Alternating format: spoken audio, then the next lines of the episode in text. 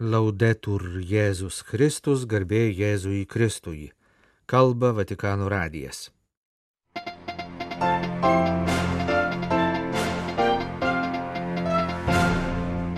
Ketvirtadienio rytą popiežius Pranciškus priėmė Ukrainos premjerą.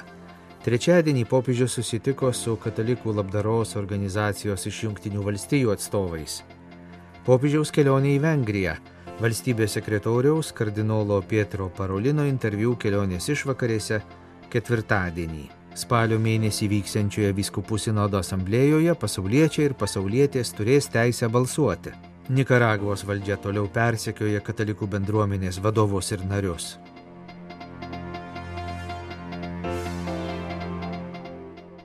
Ketvirtadienį, balandžio 27 dieną, popiežius Pranciškus priėmė Ukrainos ministrą pirmininką Denisą Šmichalį, kuris vėliau taip pat susitiko su valstybės sekretoriumi kardinolu Pietro Parolinu ir sekretoriumi santykiams su valstybėmis ir tarptautinėmis organizacijomis arkivyskupu Polu Richardu Galageriu.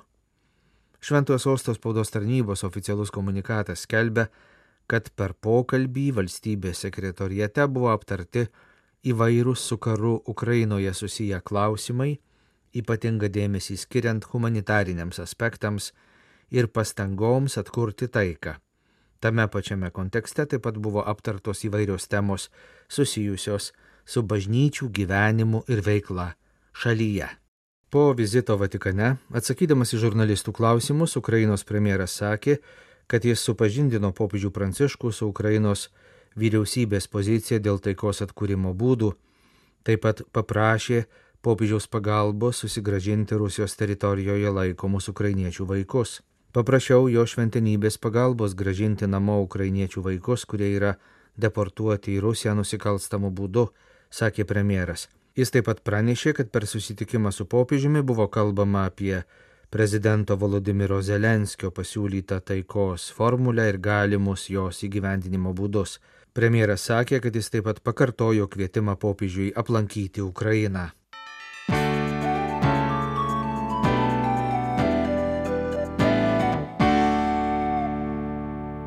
Trečiadienį popiežius Pranciškus susitiko su JAV katalikų labdaros organizacijos delegacija Catholic Extension Society Ji buvo įsteigta 20-ojo amžiaus pradžioje, kad padėtų katalikų šeimoms žemynų gilumoje, kurioms trūko visko - ir silovadinės globos, ir materialinių išteklių.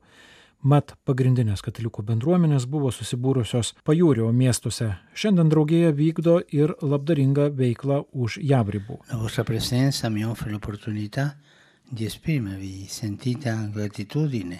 Susitikimas su jumis man suteikia progą nuoširdžiai padėkoti už įsipareigojimą remti misijų viskupijas, rūpintis tukojančių ir silpniausių jų poreikiais, sakė popiežius susitikimo dalyviams, kuriuos sveikino prieš trečiadienio bendrąją audienciją. Pasak Pranciškaus bažnyčia įtin svarbu įsiklausyti į esančių visuomenės paraštėse balsus tuo metu, kai jis tengiasi eiti sinodiškumo keliu. Bažnyčia turi suteikti balsą tiems, kurie dažnai jo neturi, liudyti kiekvieno asmens orumą, išgirsti ir įtraukti visų patirtis bei perspektyvas. Popiežius Pranciškus palygino bažnyčią su dideliu gobelenu, naustu iš tautų, kalbų, kultūrų, siūlų. Visi siūlai skirtingi, tačiau šventosios dvasios veikimu sudaro harmoningą vienybę. Brangus bičiuliai, raginu jūs ir toliau darbuotis pagal Dievo stilių. Dievo stilius niekada nėra atstumas, nejautrumas, abejingumas. Priešingai, tai artumo, užuojautos ir švelnumo stilius, sakė Pranciškus. Toks stilius, pasak jo, padeda suprasti, jog viešpats nori prisertinti prie mūsų gyvenimo, užjaučia tuos, kuriems sunku. Jis savo meilę kviečia užmėgsti ryšį su juo ir matyti savo artimą kaip brolį arba seserį.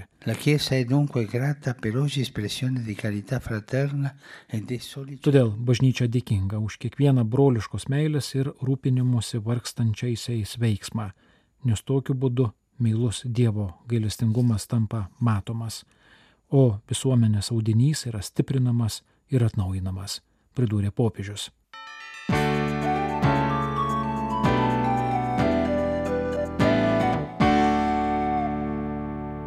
Jau trečiadienio rytą popiežius Pranciškus buvo nuvykęs į Romos švenčiausiosios mergelės Marijos didžiąją baziliką pasimelsti prie mergelės Marijos Salus Populi Romani ikonos ir patikėti Dievo motinai savo kelionę į Vengriją. Popiežiaus Pranciškaus trijų dienų vizito Vengrijoje išvakarėse ketvirtadienį valstybės sekretorius kardinolas Pietro Parolinas davė interviu Vatikano radijui. Ši kelionė bus vengrams duoto pažado išpildymas, sakė kardinolas, primindamas, kad popiežius Pranciškus prieš pusantrų metų 2021 rugsėjį buvo nuvykęs į Budapeštą, kur dalyvavo Tarptautinio Eucharistinio kongreso uždarime. Ta kartą išvykdamas popiežius pažadėjo sugrįžti. Dabartinė kelionė yra skirta susitikimams su Vengrijoje gyvenančia Dievo tauta ir šalies visuomenė.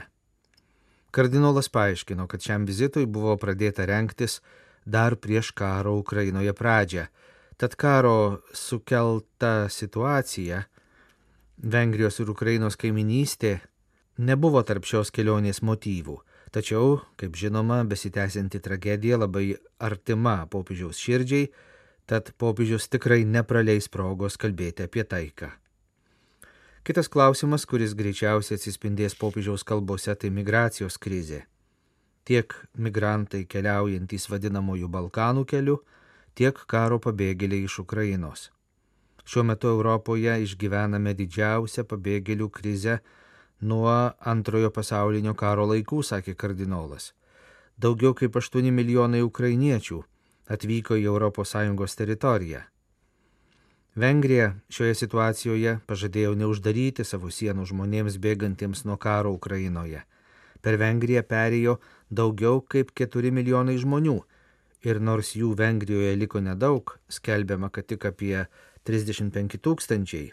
Vietos katalikų bažnyčia visų pirma per karitas, taip pat padedama vyriausybės padarė viską, kad tuos žmonės priimtų ir jais pasirūpintų. Tačiau kartu bažnyčia su dideliu susirūpinimu seka padėtį prie Vengrijos ir Serbijos sienos. Pasak kardinolo, tie žmonės, negalintys kirsti Vengrijos sienos, tai ne tik Vengrijos, bet ir visų regiono šalių problema. Visa Europa turi rasti būdą, kaip prisimti atsakomybę už tuos žmonės. Tai žinoma apima ir pastangas padėti žmonėms neemigruoti, pasilikti savo kilmės šalyse, sudaryti jiems sąlygas taikiai ir saugiai gyventi, kad jie nebūtų priversti bėgti ir ieškoti taikos, saugumo ir darbo užsienyje. Kalbėdamas apie Vengrijos krikščioniškąją tradiciją, kardinolas paminėjo šioje šalyje gimusius šventuosius Martyną, Steponą, Elžbietą. Buvo paminėtas ir neseniai ateistinio režimo valdymo metais vengrų tautos duotas herojiškas tikėjimo liudijimas. Jožefo Mincentį, sakė kardinolas Pietro Parolinas. Dabar popiežius Pranciškus atvyksta pas vengrų katalikų bendruomenę, kad ją padrasintų būti džiugia misionieriška bažnyčia. Pasak kardinolo, šios kelionės moto Kristus yra mūsų ateitis yra labai artimai susijęs su prioritetiniais popiežiaus Pranciškaus pontifikato tikslais - skatinti misionierišką veiklą, skelbti bažnyčios išeinančios į pasaulį liudyti Evangelijos grožį.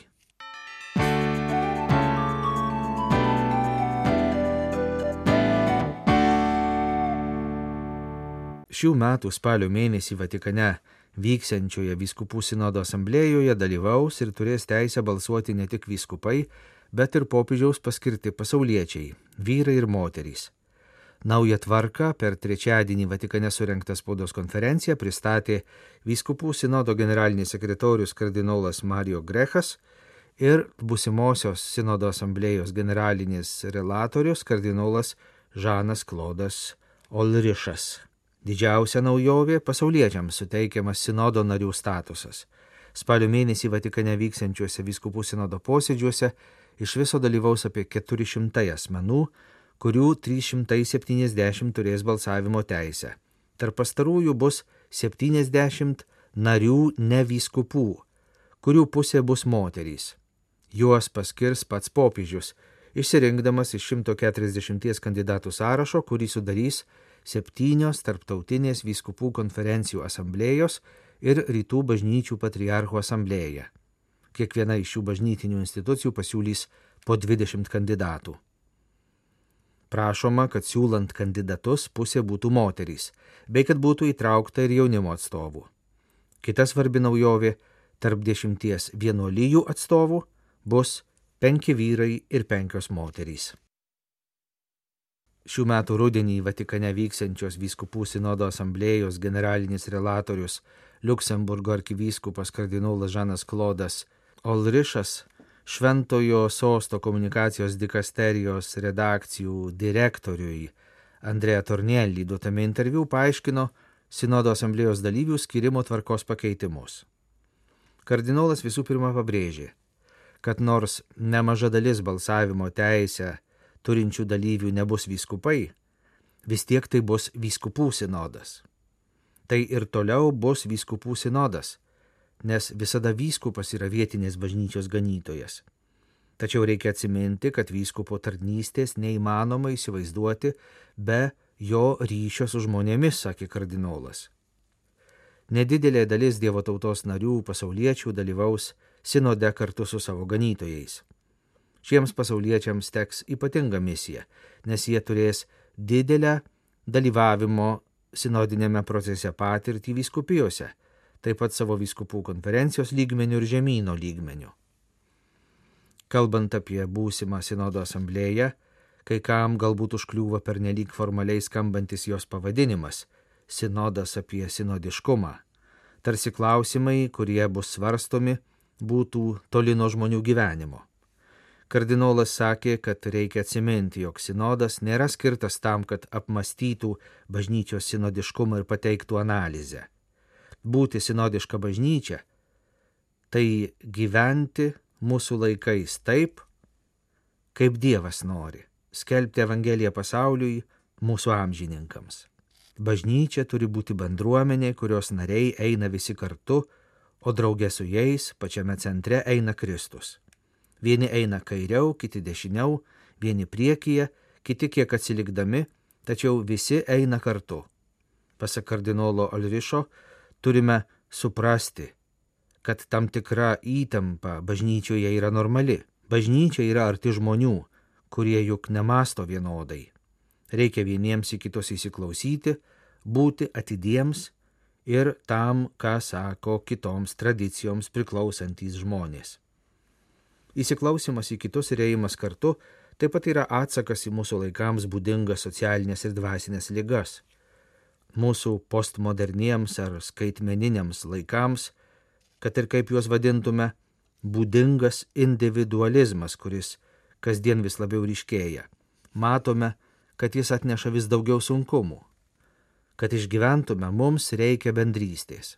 Be to visuomenėje ir žiniasklaidoje, netgi tarp katalikų, matome vis didėjančios polarizacijos reiškinį. Kardinolas yra įsitikinęs, kad Dievo tautos ėjimas kartu yra atsakas į šias tendencijas. Antra vertus, negalima sutikti su teiginiu, kad šiandien bažnyčia išrado sinodiškumą kaip atsaką į minėtas problemas. Sinodiškumas yra senas kaip bažnyčia, tačiau šventoji dvasia šiuo metu mumise atgaivino didesnį sinodiškumo troškimą, kaip būdą reaguoti į iššūkius, su kuriais susidurėme. Klausimas, su kokiais sunkumais buvo susidurta per iki šiol vykusį sinodinį procesą, kardinolas atsakė, kad jis pastebėjęs dvi pagundas. Pirmoji - tai pagunda viskam taikyti senus modelius. Tai pagunda ir toliau viską daryti taip, kaip buvo daroma iki šiol. Antroji - tai pagunda per šį sinodą spręsti visus įmanomus klausimus. Tačiau šis sinodas turi aiškiai apibrieštą tematiką - sinodiškumą, bendrystę, dalyvavimą, misiją. Sinodas sutelks dėmesį į tai, o ne į kitas temas. Neneigiu kitų temų svarbos, sakė kardinolas, tačiau šis sinodas bus skirtas sinodiškumui. Kardinolas paaiškino, kad netolimoje ateityje bus paskelbtas būsimosios sinodo asamblėjos darbo dokumentas, vadinamasis Instrumentum Laboris. Tai bus neilgas tekstas, jis padės sinodo tėvams dalytis, išsakyti savo nuomonę. Bus siekiama sudaryti sąlygas visiems dalyviams laisvai išsakyti savo nuomonę. Nebus skubinama, nes, priminė kardinolas, po šiais metais vyksiančios sinodo asamblėjos, po metų vyks jos tasa.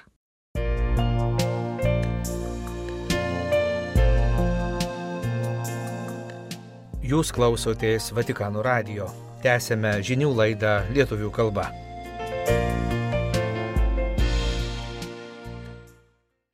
Nikaragvoje prezidento Danielio Ortegos autoritarinis režimas tęsė represijas ir atakas prieš katalikų bažnyčią, nepaisydamas jungtinių tautų organizacijos, viso pasaulio bažnyčių ir žmogaus teisų organizacijų pasipiktinimų. Išsiųsti iš šalies dar dvi vienuolės ir kunigas, uždraudus didžiosios savaitės procesijas po atvirų dangumi dėl tariamų saugumo problemų, kovo mėnesį uždarius nunciatūrą Managvoje ir Nikaragvos ambasadą prie Šventojo sosto Romoje, pastarosiomis dienomis vyriausybė išsiuntė dar dvi vienuolės ir klaretietį misionierių iš Panamos. Santykiai tarp Nikaragvos vyriausybės ir bažnyčios buvo įtempti nuo 2018 balandžio, kai Nikaragvos valdžia žiauriai numalšino prieš režimą nukreiptų protestų bangą, kurie dar labiau paštrėjo po prieštaringai vertinamų 21 metais įvykusių rinkimų, per kuriuos prezidentas Ortega buvo patvirtintas kitam mandatui. Sandinistų lyderis nekarta kaltino vyskupus sudarius sąmokslą prieš jį. Prasidėjus kriziai bažnyčia, kuriai buvo uždrausta tarpininkauti, tapo kelių išpolių taikiniu. Prasidėjo viskupų, kunigų ir vienuolių bauginimai, išsiuntimai. 2019 metais Managvos vyskupas auxiliaras Silvijo Jose Bajesas buvo priverstas išvykti į tremtį o 2022 kovą Nikaragvos apaštalinis nuncijus arkivyskupas Valdemaras Stanislavas Sumertagas buvo išsiustas kaip persona non grata. Įtampa vėl kilo vasarį, kai Matagalbos vyskupas Rolando Alvaresas buvo nuteistas kalėti daugiau nei 26 metus Jam atimta pilietybė, kai atsisakė būti išsiustas į Junktinės Amerikos valstijas su kitais 222 sulaikytais oponentais. Praėjusią savaitę per televiziją nacionalinės taikos dienos proga Ortega vėl apkaltino Nikaragvos viskupų konferenciją ir Vatikaną, pavadindamas demonais ir nusikalteliais, kaltindamas juos dėl 2018 m. balandžio mėnesio protestų. Kalbėdamas apie neseniai uždraustus Velykų renginius po atvirų dangumi, sandinistų lyderis pakartojo, kad imtis tokių priemonių buvo nuspręsta siekiant užkirsti kelią tariamam visuomenės sukilimui prieš jį. Nikaragvoje vykstantis antikatalikiškas susidorojimas ir toliau kelia didelį susirūpinimą ir jungtinių valstijų viskupams. Praėjusią savaitę paskelbtame pareiškime Junktinių Amerikos valstijų katalikų viskupų konferencijos tarptautinio teisingumo ir taikos komiteto pirmininkas vyskupas Davidas Maloj dar kartą patvirtino solidarumą su Nikaragvos bažnyčia. Pareiškime Junktinių Amerikos valstijų vyriausybė ir visa tarptautinė bendruomenė raginama toliau dėti pastangas, siekiant išlaisvinti vyskupą Alvaresą ir atkurti taiką bei teisinę valstybę šalyje.